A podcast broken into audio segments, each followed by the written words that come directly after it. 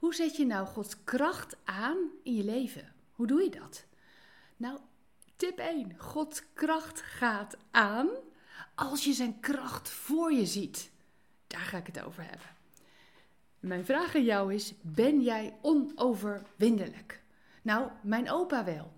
Als ik met mijn opa ging schaken, was hij onoverwinnelijk. Echt waar. Je zou verwachten dat hij zijn schattige kleindochter af en toe zou laten winnen, maar nee hoor. Soms mocht ik met het paard één schaakstuk slaan. Je begrijpt het, we waren samen aan het schaken. En soms liet hij toe dat mijn toren grote stappen kon maken op het bord. Maar meer was het niet. Mijn opa was een meester in schaken. Helaas, onoverwinnelijk. Onze God is ook onoverwinnelijk. In Jezaja 41 staat prachtig.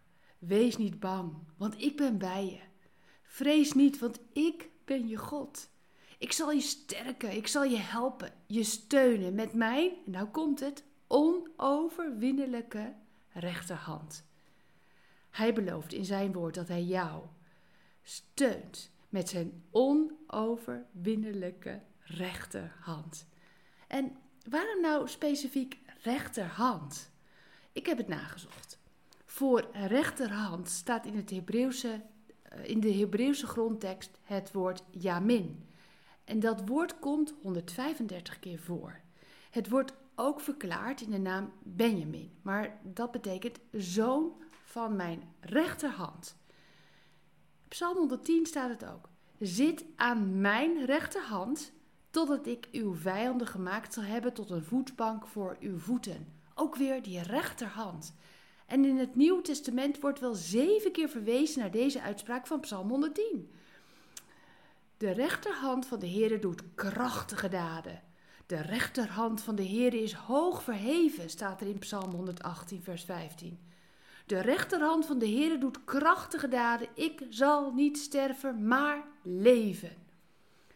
Als Gods rechterhand jou ondersteunt, word je ondersteund met kracht en macht. Voel jij je verloren? Zeg je, oh, ik heb er de kracht niet meer voor. Dan hoef je de kracht ook niet uit jouw menselijk vermogen te halen. Dat is niet nodig. God zelf belooft zijn kracht. Zijn kracht voor jou. Ik daag je uit om een situatie in jouw leven op dit moment voor je te zien, waarvan jij overtuigd bent dat het een hopeloze situatie is. Heb jij een situatie waarvan jij overtuigd bent dat je niet krachtig genoeg bent om stappen te durven zetten? Nou, zie je het voor je? Wat is het? Heb je het? Nou komt het. Ik wil je aanmoedigen om in deze situatie Gods onoverwinnelijke rechterhand voor je te zien. Die onoverwinnelijke rechterhand, die ondersteunt jou en helpt. Hoe ziet diezelfde situatie er nu uit? Als je die hand van Hem erbij ziet. Teken dat. Schrijf het op. Hoe ziet het er nu uit? Herlees het nieuwe beeld waarin de kracht van God zichtbaar is in die specifieke situatie. Het zal je kracht gaan geven. Bedankt voor het luisteren naar Ik Wonder Jou. Hebben de woorden je hart geraakt en de teksten je geïnspireerd? Gun ook anderen Ik Wonder Jou.